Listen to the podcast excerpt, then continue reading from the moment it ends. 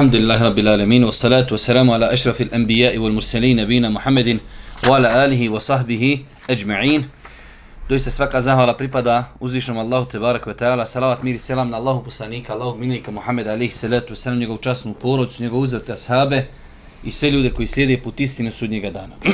Braćo moja draga, četvrtak, naš ustaljeni termin, družimo se u projektu Čitaone sa čitanjem različitih knjiga. Trenutno čitamo knjigu Dijela srca od eh, magistra profesora Hajrudina Ahmetovića. Prošli put smo govorili o jednom interesantnom srčanom ibadetu, govorili smo o strahu. A sada govorimo o nečemu što je potpuno suprotno od straha, jer znate da čovjek u svom životu, da bi njegov pravac kretanja prema Allahu bio ispravan, mora da objedini strah od Allaha i nadu Allahu milost. Ako čovjek neprestano bude u strahu od Allaha Đelšanhu, to će goditi u pogrešnom pravcu. Isto tako i večerašnji ibadet. Ako čovjek bude neprestano Allah milostiv, Allah milostiv, nadam se džennetu, nadam se džennetu, nadam se ako Bog da sad da ću e, zimnicu dobru podignuti, ali posio nisam, pođubrio nisam. E, takav je vjernički život. Mora da objedini između nade, da se čovjek nada i to je nešto što ga drži u, u, ispravnom stanju. Vi kad imate čovjeka trči onaj maraton, on se umori, vidjeli ste neki dan Amela Tuku kako pretiče dole na, na, na pisti. Ali on hoće cilj, hoće da pobjedi. Tako i vjernik. Nada se Allahovom džennetu, nada se Allahovom oprostu. I onda ga to drži, to mu daje morala, to mu je satisfakcija da ustraji nekoga prozove, nekoga potvori, nekoga udari, nekoga zakini, zašto čovjek ustraje? Ustraje jer se nada nagradi uzvišnog Allah subhanahu wa ta'ala. Pa je znači večerašnji ibadet mnogo, mnogo bitna stvar. Ako bi rekli, iako će nam poslije autor govoriti o vrstama nadi, nekada je nada obavezna, nekada je pokuđena, nekada je zabranjena, ali ako bi generalno gledali ljude, imamo ljude koji su otišli u jednu krajnost, pa se nadaju Allahu i milosti, Allahovom rahmetu, a ništa ne poduzimaju. To je poput ovih koji spominjemo, hoće čovjek da ima djecu i nije se oženio. Čekaj, brate, ko Nuh Ali Selam, kad živi 10-50 godina, nećeš dobiti djecu. Čovjek hoće da zimnicu podigne iz bašte, nije posio isto tako očekivati Allahovu nagradu, očekivati Allahovu milost, a ne ići putem koji vodi ka tome je zaista pa ured sa graniči sa granicom ludila. Hoćeš da zaradiš Allahovu vječnu nagradu džennet i nadaš se, a ne poduzimaš ništa da bi to uradio, znači nelogično. Pa imamo, znači, nažalost, kod našeg naroda je i te kako ta kategorija ljudi velika.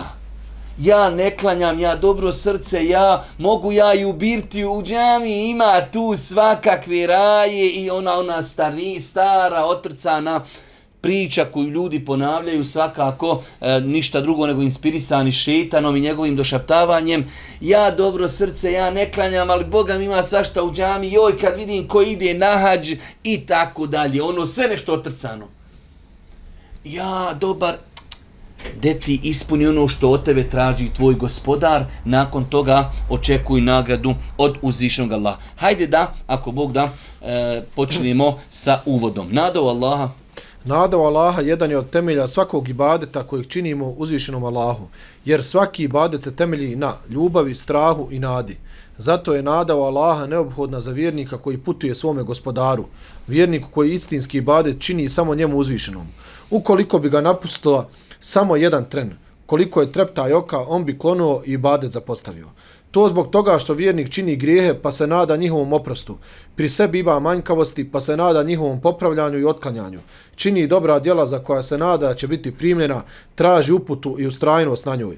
Pa se nada da će i postići teži ka Allahovoj blizini i nada se da će je i ostvariti. E, ovo su par neki veoma bitni stvari kroz koje se manifestuje nada. Šta nam kaže autor? Prva stvar, ukoliko bi napustila, uh, koliko je treba to zbog... Pa se nada, opro. Čovjek, prva stvar, griješimo mi svi. Ali šta je to što nas čini da, da se popravljamo? Nadamo se Allahovom oprostu.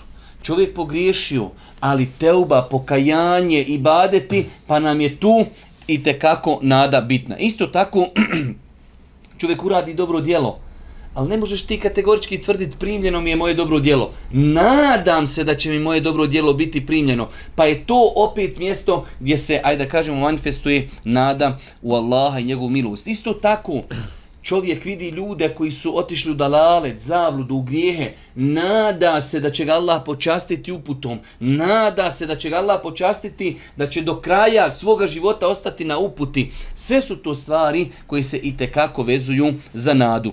Ovdje nam e, autor je e, pokušao da definiši e, šta je to nada, ali nadati očekivati se, očekivati od uzvišnog Allaha subhanahu wa ta'ala neki hajr. E, Kur'an o nadi. Mi smo rekli da autor neprestano kada govori o nekom ibadetu pokušava da spomene kuranske ajete, te hadise Božih poslanika, kako uh, i u kojim kontekstima se spominje taj ibadet. Da vidimo, Kur'an, ovo nam je mnogo interesantno i večeras kada ništa ne bi naučili osim ovaj kuranski ajet, naučili bi mnogo. Da vidimo kako Kur'an gleda na nadu Allahu milost. Šta kaže?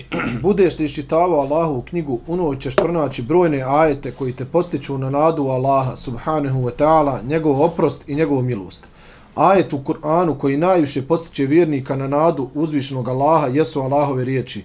Reci, o robovi moji koji ste se prema sebi ogriješili, ne gubite nadu u Allahu milost. Allah će sigurno sve grijehe oprostiti, on doista mnogo prašta i on je milostiv. Ovo je znači, evo šeh nam je ovdje ovaj ajet malo i komentarisao, ali na kraju Ibnu Abbas, Ibnu Mes'ud smatrali su da je ovo ajet najjači ajet u cijelom Kur'anu o nadi. Znači Ibn Abbas, znate da Ibn Abbas bio jedan od najvećih mufesira ummeta, Ibn Mesud također, oni su smatrali da je ovo najjači ajet koji ljudima daje nadu. Pa kaže, reci o robovi moji, vidite, čovjek uradio grije, čovjek pogriješio, čovjek pao, bio je 30 godina nepokoran, opet ga uzvišeni Allah doziva da je njegov rob. Reci o robovi moji koji ste se prema sebi ogriješili. Uradio si neki grije. Čovjek kada radi grije, on se prema sebi griješi jer će odgovarati, jer će trpiti u džehennemu.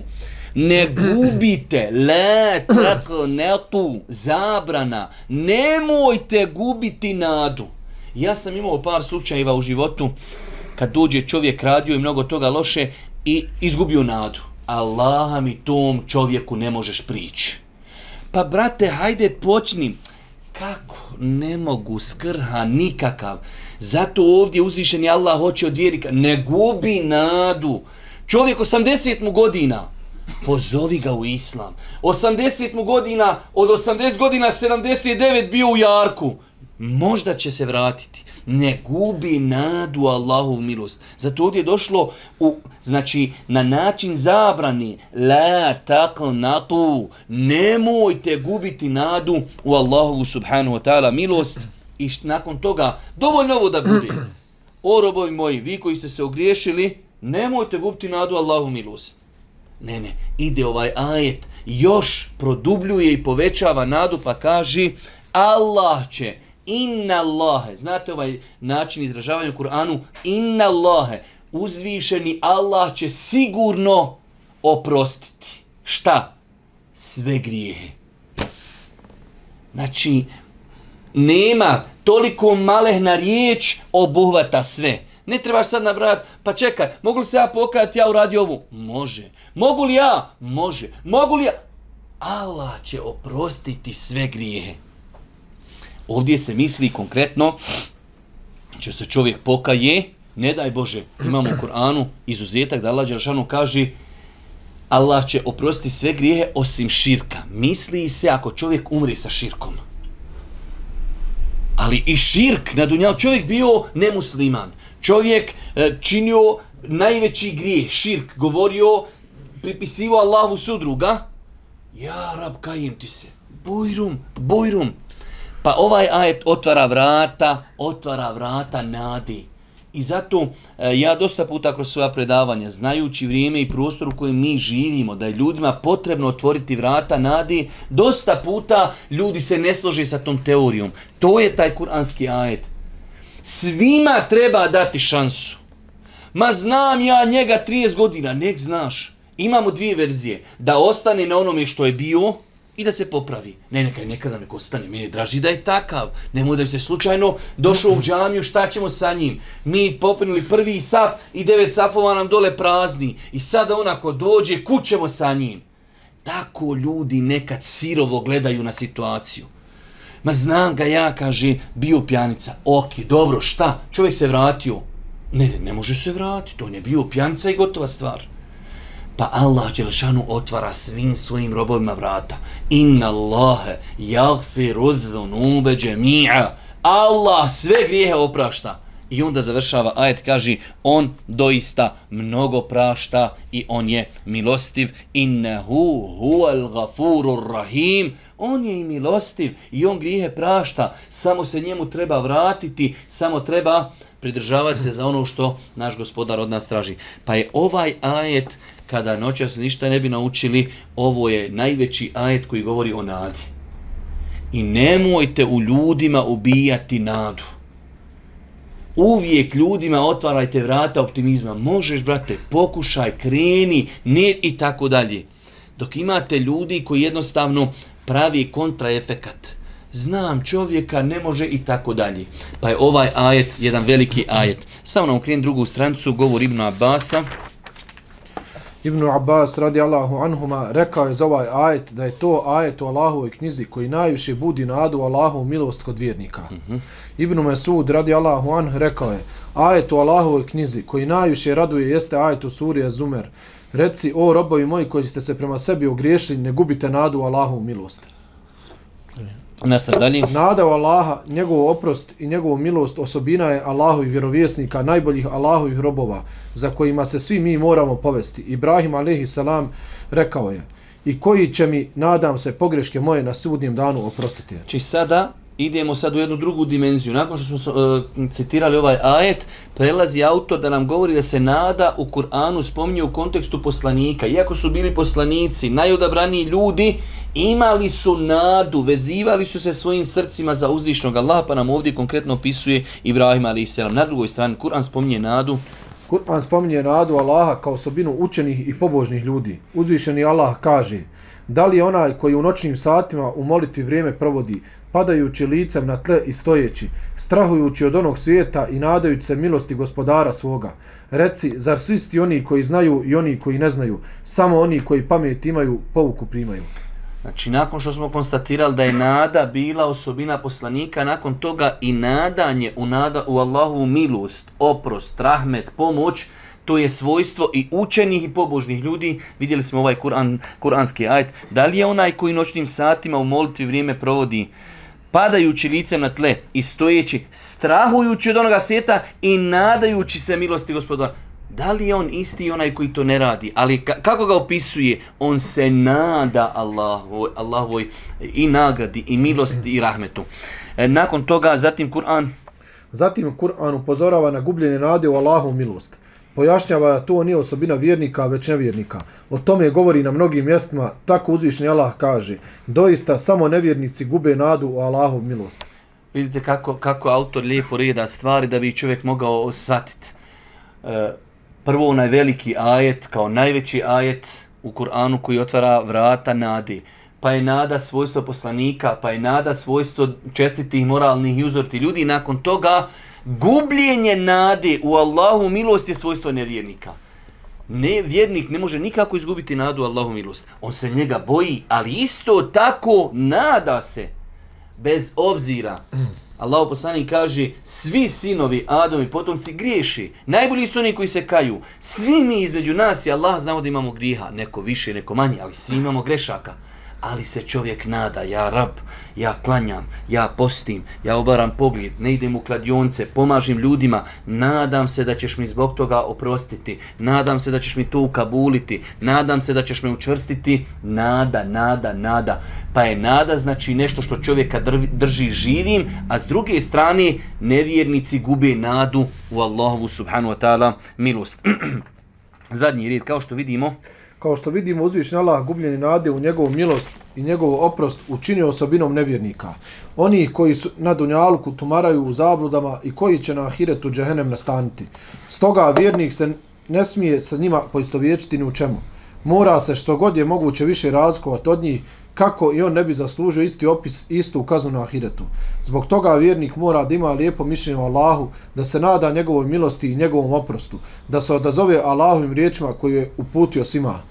To je ovaj kuranski ajet koji smo prvog citirali. Generalno znači, vidjeli smo, nada, imamo veliki ajet koji otvara vrata svim ljudima. Reci, o robovi moji koji ste učinili grijeh, i veliki, i mali, i dugo godina, nemojte gubiti nadu, vjerujte, vjera islam je vjera optimizma. Evo ovaj ajet samo čovjek kad bi ljudima citirao. Nemoj gubiti nadu, ne, možeš se vratiti, Allah će oprostiti, popravi se, pokušaj, kreni.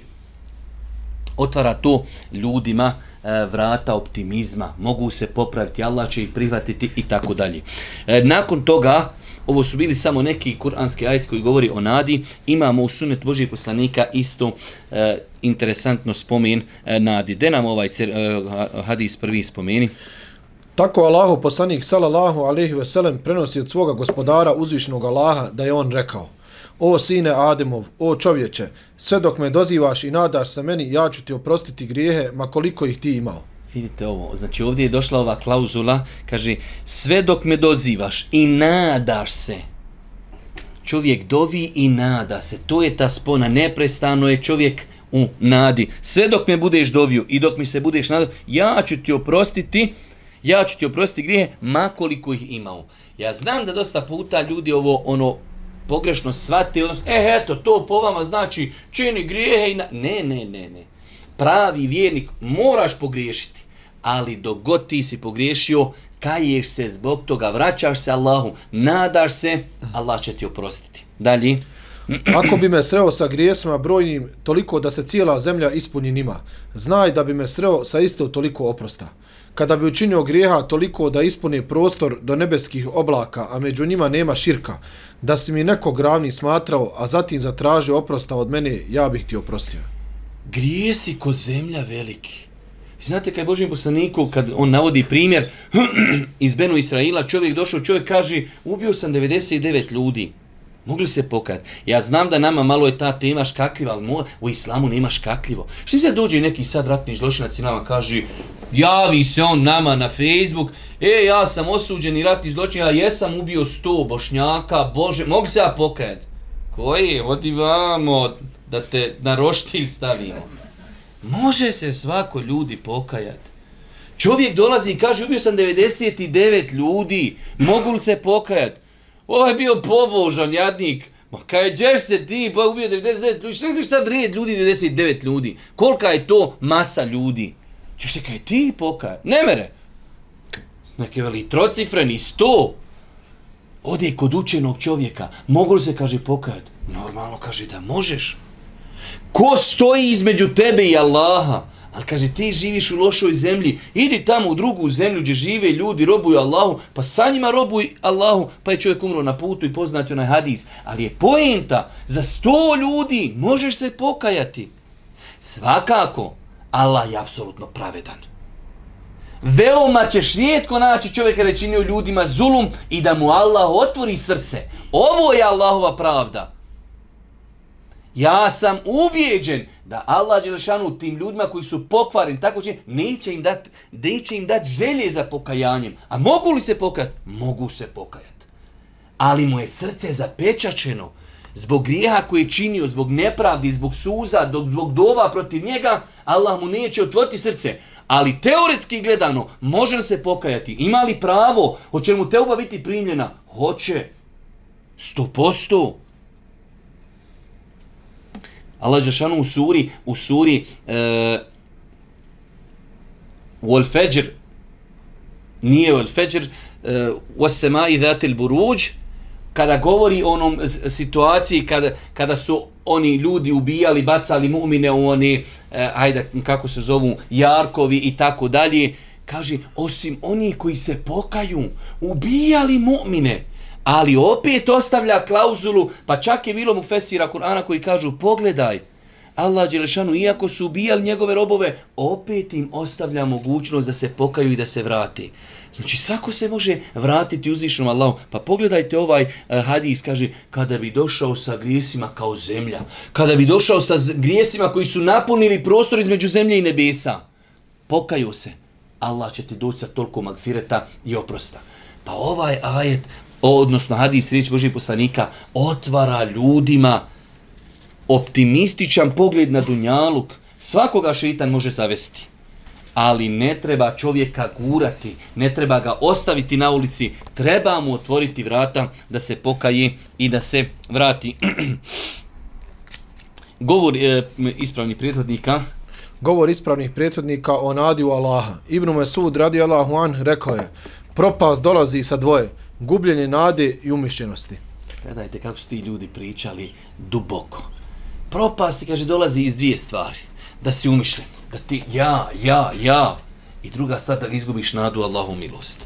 To dvoje ako objediniš, to je, kaže, apsolutna propast. Čovjek umisli, ja bolji od drugi, ja, ja sam pobožni, ja sam iskreni, ja bolji i tako dalje. To je propast. I propast je suprotno tome da čovjek izgubi nadu u Allahu milost. Abdullah ibn Mubarak Abdullah ibn Mubarek, rahmehullahu ta'ala, pripovjedao je.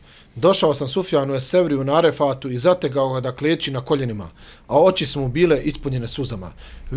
Vidjevši ga u takvom stanju, zaplakao sam. On se okrenuo, upitao me šta ti je. Upitao sam ga ko je najgori čovjek od svih ovih iskupljenih. Odgovorio mi je onaj koji smata da im Allah neće oprostiti. Allahu Pazite, Arefat, znači vas da su tu na Arefat, za vrijeme Božeg poslanika je bilo 100.000 ljudi na Arefatu, a nakon njega sigurno više. Kaže, ko je najgori? Najgori je ko misli da Allah ovima neće oprostiti. Pogledajte, pogledajte tog srca, pogledajte te nade, pogledajte te iskrenosti, pogledajte tog oslonca na Allaha. Došli, moli, plaću. Pa najgori onaj koji misli da im Allah neće oprostiti. Nešto, nešto. Dalje, Fudajl ibn Iyad. Fudaj ibn Jad, rahimehullahu ta'ala, pogledaju ljude na refatu kako spominju uzvišenog Allaha kroz plać, pa je upitao prisutni, šta mislite ako bi ovi ljudi ustali ka jednom čovjeku i zatražili od njega samo šesti dio dirhema, srbenjaka, da li bi ih on odbio? Ne, da, ne dao im što traže od njega u ovakvom stanju. Odgovorili su ne, a on je dodao, tako mi Allaha, Allahu je manje da im oprosti od te šestine dirhema čovjeku od kojih bi je zatražili on navodi njima primjer ku današnji moment da kažemo dođu ljudi i čovjek kažu daj nam Marku. Pa bili on odbio, ne bi, e kaže Allahu je lakše i manje da im oprosti nego što, što je ta Marka. Znači tio je da im navede način koliko Allahu subhanu wa ta'ala koliko je moguće da im uzvišeni Allah subhanahu wa ta'ala se smiluje, došli, plaću, dove, moli za oprost, koliko je lahko uzvišenom Allah subhanahu wa ta'ala da im oprosti. E, vrste nadi, ovo je veoma bitna stvar, e, nakon što smo vidjeli kako Kur'an otvara ljudima vrata pokajanja. Jeste li vidjeli da su imalo zatvorena? Nikako. Otvorena najšire što se mogu otvoriti. Allah će oprostiti sve grijehe. Nemoj gubiti nadu. Makar učinio grijeha koliko je planeta. Pokaj se, vrati se. Ne može se više. Ne mogu se vrata, nadi i teube potvoriti više nego što su u islamu otvorena. Nemoguće. Znači nemoguće. Zato čovjek treba da živi u optimizmu. Treba da ljudima daje optimističan pogled na život. Brate, možeš, vrati se. Kakvi je bilo ljudi kroz historiju, šta su se radili, pa su se ljudi vraćali. Vrste nadi. Postoji pet vrsta nade od kojih su dvije pohvalne, jedna pokuđena, jedna strogo zabranjena i jedna dozvoljena. Okay. Što se tiče pohvalnih vrsta, one su pod jedan. Nada čovjeka koji čini dobra djela pokorava se uzvišenom Allahu onako kako to svevišnji traži od njega, pa se on nada Allahovoj nagradi. Ovo je pohvalno. Nada čovjek uradio dobro djelo i nada se da mu Allah to ukabuli da ga zbog toga nagradi. To je pozitivno i to je nešto što čovjeku daje elana da ustraje u čin dobrih djela. Broj dva nada čovjeka koji je činio grijehe pa se iskreno pokajao svome gospodaru, nakon čega se nada Allahom oprstu, brisanju grijeha i neobračunavanju za njih. Čovjek učinio grije, pokajao se istinski, ispunio uvjete, ne radiš taj grijeh, popravio se, ostaje onaj dio nada, nadam se, ja sam podzio sve što sam mogu, ja rab, ti si rekao u robovi moji, pokajte se, vratite se, ne gubite nadu, ja sam to sve ispunio ja sad se nadam da mi Allah oprosti i da me neće kazniti na sudnjem danu zbog tog dijela. To su dvije pohvalne stvari da čovjek, onaj koji radi dobra dijela, nada se da mu to Allah ukabuli, drugi uradio grije, pokajao se, ostaje onaj moment da se nada da mu Allah kabuli teubu i pokajanje. Broj tri. Što se tiče pokuđene nade, ona je pod broj 3, nada čovjeka koji ustrajava u činjenju grijeha i loših dijela uzvišenom Allahu. Daleko je od podkornosti i dobrih dijela, ali i pored svega toga nada se Allahove milosti i njegovom oprostu. Non stop u grijehu kad mu nešto neke Allah je milostiv. Ko da vidimo ni naše neke bošnje. Allah je milostiv. Šta se vi sad ispriječili između Allaha i tog insana? Nisam se ispriječio, brate moj dragi, ali nelogično. Hoćeš da ideš za krajinu i prazan ti e, rezervar. Kaj, inšalo, slon se na Allaha i kreni. I dole, dole u Rajlovcu i ugasi se. Brate, nisi poduzeo šta si trebao dunjalučki napuni goriva i onda prouči fino dovu i oslon se na Allaha i za krajinu. Ali krenut kraznog gori, praznog rezervara i očekivat neke keramete, a znaš da u životu nisi tri puta ustao na noćni namaz, nema toga, sine. Kerameti dolazi malokrupnim ljudima. Pa je nelogično pozivati se na Allahu milost. Zato je došlo u vjerodostojnom hadisu, kaže, niko od vas neće ući u džennet svojim dijelima. Osim da mu se Allah smiluje. Ok, to je ta platforma velika. Ali kako se Allahova milost postiže? Jel se postiže pokornošću ili nepokornošću? Kad imaš svoje dijete, kad si zadovoljan na svoje dijete? Kad sine led donesi, on donese. Idi u školu, u školu. Uči, uči. Drugo, idi, neću. Uči, neću. Došao, pobio se, razbio, ukro. Si zadovoljan sa njim? Pa normalno da nisi. Kako onda da tražim od svog gospodara, ja rab, tvojom milošću u džennet, a ja non stop idem u pogrešnom pravcu? Viće navigacija, gospodine, prvo lijevo vratite se, a ti i dalje. Gospodine, prvo lijevo vratite se, a ti non stop u kontrapravcu. Ti ideš putem džehennema, a ja bi ja rab da me uvedeš u džennet. Nelogično, brate. Broj četiri. Strogo zabranjena nada koja biva kada se čovjek nada nekome drugom mimo Allaha u onim stvarima koje posjeduje samo svevišnji Allah. Ovo je još nešto najteži. Da se čovjek nada nekome i nečemu, nešto što mu ne može niko ispuniti osim Allah. Čovjek dođe kod kabura i au, au, bau, de mi ti sad dole neki zakopani, de mi ti nešto pomozi. I ti se ko nadaš. Brate, moraš živit ko Nuh ali selam, džaba se nadaš, širk si učinio. Ne može ti taj pomoć, zakopali, onda je mogu sve pomoći, ne bi ga zakopavali u zemlju, pojeli ga crvi. Širk u nadi. I broj pet. Dozvoljena nada je urođena nada, koja biva ukoliko se nadaš i očekuješ od neke osobe da ti učini ono što je ona u osnovi u stanju i što ona posjeduje. Kao na primjer da kažeš čovjeku nadam se da ćeš doći. Nešto što je dozvoljeno. Čovjek jednostavno nešto si, negdje si nešto neko uradio, kažeš nadao sam se da ćeš mi završiti taj problem, nadao sam se da ćeš otići, nadao sam da ćeš nazvat ta nada je nešto ispravno, šerijatski, nema nikakvih smetnja, čovjek kaže nekome, nadao sam se da ćeš me, bio sam u bolnici, nadao sam se da ćeš me nazvat, nadao sam se da ćeš i tako dalje. To je nešto dozvoljno. Uvjeti ispravnosti nade u Allah i njegove pokazatelji, e, generalno, zbog bitnosti ove teme, autor je želio da spomeni koliko je bitno da čovjek ako se nada Allahovoj milosti i rahmetu, da poduzme faktore. Pa znači to je e, komentar onog prvog i drugog dijela. Nelogično je očekivati da ti Allah se smiluje, a nisi poduzeo ono što treba. Evo ovdje, onaj koji bude činio... Onaj koji bude činio djela koje uzvišni Allah prezire i ne voli, ne bude korio svoju dušu zbog toga i ne bude se kajao i uzvišnom Allahu vraćao, a uprko svemu tome očekivao da mu Allah oprosti svoju milost ukaže, ta je poput onoga koji se nada žetvi onoga što nije ni posijao ili poput onoga koji posije seme u neplodnu zemlju, pa je posije ne obrađuje, ne okopava i ne zaliva. Čovjek uzo graha, odnio negdje gore u neku šiblje, malo zakopo i veli, hm, dobro je doći, ja najesim da, brate, ti dođeš, on makio jadnik nije, nisi ga okopo, nisi pođubrio, nisi pazio konjega i ti do, normalno ćeš izvisi. Tako i insan, radiš, znači loše, radiš nepokornost, ali ja se nadam milosti uzvišnog Allaha. Doćim, Doćim onaj koji posjeduje sjeme imana. posije sjeme. A, posije sjeme imana, pa ga zalijeva vodom pokornosti, obrađuje ga i održava dobrim djelima. Svoje srce očisti od prezrenog morala, za postojano sve do svoje smrti moli uzvišnog Allaha. Takav se ispravno nada u Allahu oprost i njegovu prostranu milost. Ste čuli ovu rečenicu? Ova rečenica vrijedi, znači da se zlatom napiše. Onaj ko posije sjeme imana, posio je čovjek sjeme ina, pa ga zaljeva vodom pokornošću. Aha, neko ovaj što je e, utrnje posio grah.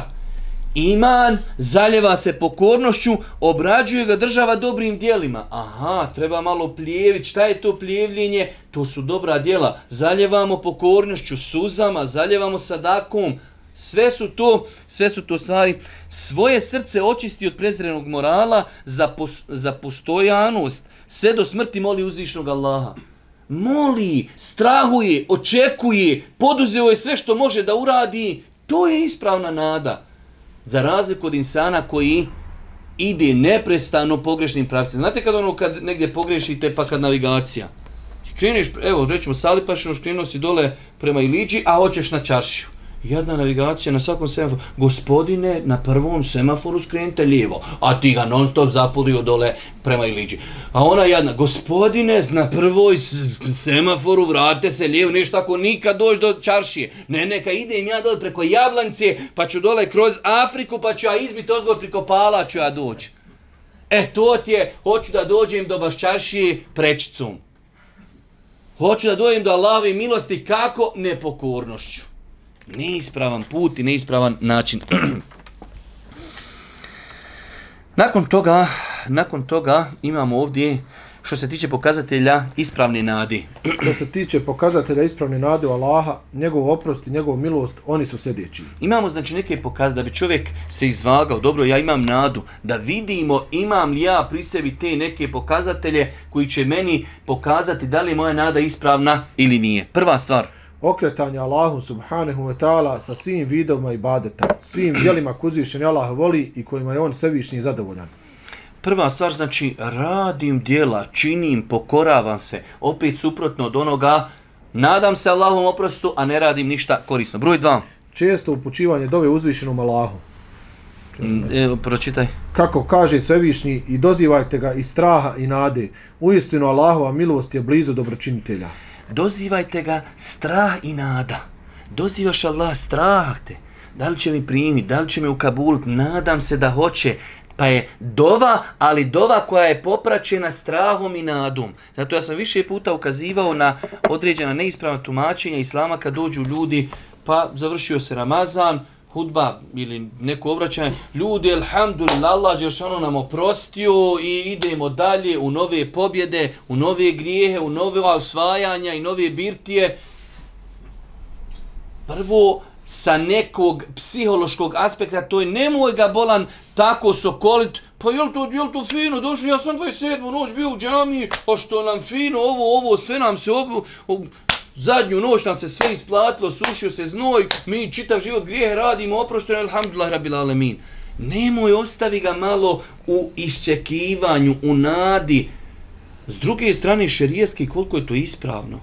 Če ćeš odgovorno tvrdaj nekome uh, da se oprošteni? Dođe ljudi u džamiju, on nije, nije nijedne teravije, kada došao na Bajram. Kažeš, svima nam oprošteno.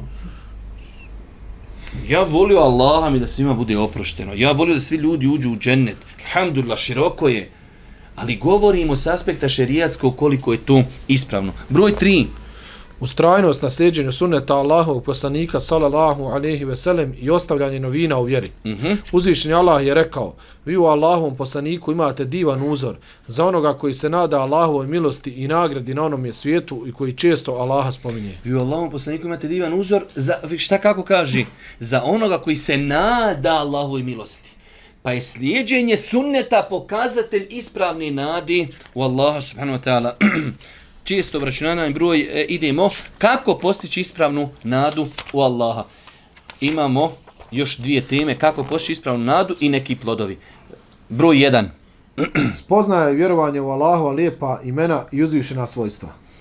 Prošli put smo govorili generalno svi ovi ibadeti srčani hoćeš postići neki srčani ibadet od takvaluka, od straha, od nade, od jakina, zato što su zasnovani za tvoju vezu sa gospodarom.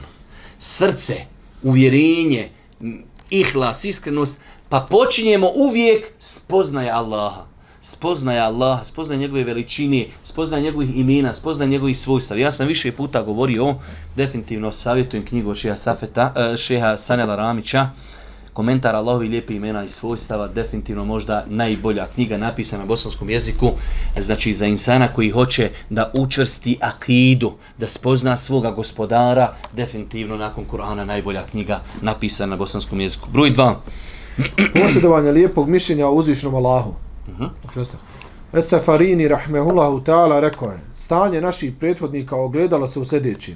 Nadi bez zapostavljanja dijela i strahu bez klonulosti. U svemu tome je neobhodno i lijepo mišljenje o uzvišenom Allahu. Lijepo mišljenje. Nadam se ja, ali imam lijepo mišljenje o gospodaru da će on mene učvrstiti, da će mi se odazvati, da će mi ispuniti ono što što ja od njega očekujem. Broj četiri. Provođenje svoga života u strahu i nadi. To je ono što sam ja često govorio kroz predavanja i evo objavljivo sam danas nešto na Facebooku. Znači ispravno je čovjek u životu e, poput ptice, dva krila, straha, strah i nada. Ako samo bude s jednim krilom, nemoguće letjeti. I ovaj naš život, ako bude samo strah, otiće u stranu. Ako bude samo nada, otiće u stranu. Već strahujemo od Allahove kazni, nadamo se njegovom oprostu i znači to je balansiranje čovjekovog života. Broj 5.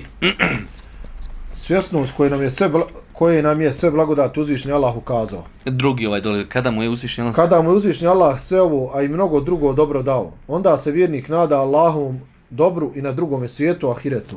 Traga za dijelima koje ga približavaju svome gospodaru, dijelima zbog kojih se može nadati Allahove milosti i njegovom oprostu. Allah Žešanu je nama podario mnogo blagodati. Pa insan se nada i kaže ja rab, ako je meni gospodar na Dunjalu koji me počastio, vidite nas koliko smo daleko u ovoj Bosni pa nas počastio imanom, pa islamom, pa džamije, pa namazi i mnogo nijameta, pa čovjek kao da indirektno kaže ja rab, ako si me počastio sa ovim svim nijametima na Dunjaluku, pa počasti me i na Ahiretu. E, broj 7. Svjesnost Allahove prostrane milosti. Definitivno, Allahova milost je velika. Čak kažu islamski učenjaci, e, ovo pravilo između dva krila, treba da bude sve do pred kraj života čovjek. Kad već smrtni muke e, dođu, tada čovjek treba da prevagne više nada u Allahovu milost. Samo u tom momentu. Prije toga ne, ne, ne gasi. Ali kad već gotovo vidi ode život, znači tada samo znači više strah, samo nada u Allahu milost. I tada čovjek treba da čita i sluša Allahova milost, sudnji dan, Allahov rahmet i tako dalje. E, plodovi i vrijednost nadi u Allaha i time ćemo ako Bog da izvršiti predavanje. Imamo, imamo nekih e, devet plodova pa ćemo ih kratko ako Bog da pročitati. Nakon što smo vidjeli kako Kur'an gleda na nadu, kako sunnet gleda, kakve su vrste nadi, greška kod velikog broja ljudi, da se nada Allahovom rahmetu, nije poduzeo sve što može, da vidimo neke dunjalučko-ahiretske plodove od nadi. Pod jedan, činjenje ibadeta i ustrajavanje u njemu. Definitivno. Nada je to što čovjeka čini da ustraje. Vi pogledate nekad ljude zaista, diviš se na osnovu čega taj čovjek toliko ustrajava. Godinama na sabahu, godinama, e, šta ja znam, pokornost, umra, hađ, hijab, sadaka, džuma, namaz, mnogo toga. Zbog čega? Nada se Allahovom oprostu, nada se Allahovoj pomoći, nada se Allahovom kabulu i tako dalje. Broj 2. Doživljavanje ibadeta i uživanje u njemu. Hajde pročitaj. Ibnul Kajim rahmehullahu ta'ala rekao je, nada je vodič koji vodi srca ka mjestu voljenog, a to je drugi svijet ahiret. Ona uljepšava srcima put do svoga gospodara, postiče ga na njega i ustrajnost u njemu. Da nije nade u Allaha, niko ovim putem ne bi krenuo. Jer u istinu strah nije dovoljan da pokrine čovjeka, već je ljubav ta koja pokriće čovjeka, strah ga zabrinjava, a nada vodi. Nada, čovjek jednostavno, određeni ibadete možda i činio nakon, hajde da kažemo, više rutinski, ali kada ta nada protka njegovo srce, on uživa u tom ibadetu. Dova, dova u kojoj čovjek se nada, Allahu razmišlja, dovi, plaći. Nije isto čovjek neovisan nakon ono, ja rab, ja rab, prosti, ali onako zjeva, broji muhe po kući. Za razgoj čovjeka koji plaće, koji nada, očekuje, čovjek osjeti slast tog ibadeta, slast namaza, slast dovi, slast učenja Kur'ana i tako dalje. E, broj 3. Često upućivanje dove uzvišenom Allahu. Definitivno, o tom mi smo malo prije govorili. Broj 4. Spas od Allahove srđbe. E, dobro, da nam pročitaj e, od Ebu Hureyri. Ebu Hureyri radi Allahu anhu prenosi da vjerovjesnik sallallahu alaihi ve sellem rekao u istinu onaj koji ne bude tražio od Allaha, on će se rasrditi na njega. Onaj koji ne bude tražio od Allaha, Allah će se na njega rasrditi. U islamu nema da kažeš ono da glumiš neku neovisnost. Pa dobro, ja niješ tražiti od Allaha, ali onaj, ja sam ko neovisan. Ne, ne, ne. Allah se na tebe ljuti onda kada se ne vezuješ za njega, kada od njega ne tražiš. Nema nikako da kažeš, e, ja ću tu negdje biti ono, evo, ne tražim ja ništa od Allaha. Ne, ne, ne može. Allah se ljuti kada od njega ne tražiš. Za razliku, za razliku od nas. Pa pogledajte koliko, koliko je Allahova milost i rahmet, koliko se čovjek nada i vezuje za Allaha da se on ljuti ako nećeš tražiti od njega. Broj 5. Upoznavanje sa Allahovim lijepim imenima. Definitivno. Znači čovjek onaj koji se istinski nada, prije toga je trebalo da predoje, jer govorimo o plodovima, pa će čovjek koji se nada u Allaha spoznati Allaha kroz tu svoju nadu. Broj 6. Česti spomen uzvišenog Allaha. Definitivno. Znači insan koji se nada Allahu, on često Allaha spominje. Zato danas ćete vidjeti da su ljudi, vidite, malo on sjedniš, mobitel, iziš u novi, kakva je kamera? Zašto što ljudi voli nešto? Insan koji voli Allaha, on ga često spominje.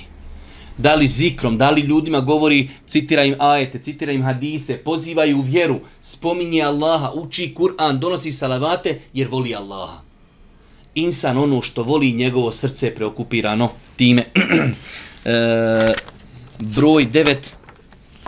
Zahvalnost na Allahu i blagodatima. Dobro, pročitaj nam to. Kada rob postigne željeno, ono o čemu se nada od Allaha, on biva zahvalan svome gospodaru na tome. A zahvalnost na blagodatima jedan je od najboljih ibadeta kojima se obožava uzvišeni Allah. Vidite kako je fino povezano. Koristi nade jeste zahvalnost. Nadu si se nečemu. Nadu se, pa ti Allah to ispunio pa je korist koja će doći nakon toga zahvalnost uzvišnom Allahu subhanahu wa. U svakom slučaju e, ne znam koliko sam ja uspio vama to predočiti, ali po meni e, do sad možda jedna od najljepših jedan od najljepših ibadeta nada u Allahu subhanahu wa milost nada E, da će uzvišnji Allah primiti insan njegove ibadete, da će ga pomoći, da će ga uvesti i ženet, znači izuzetno jedno lijepo dijelo srca kojim treba posvetiti mnogo pažnje. Molim uzvišnji Allah subhanahu wa ta'ala da nas uči na putu istine na kraju subhanake Allahumma bihamdike, ešhedu in la ilaha illa astaghfiruke wa atubu ilaik.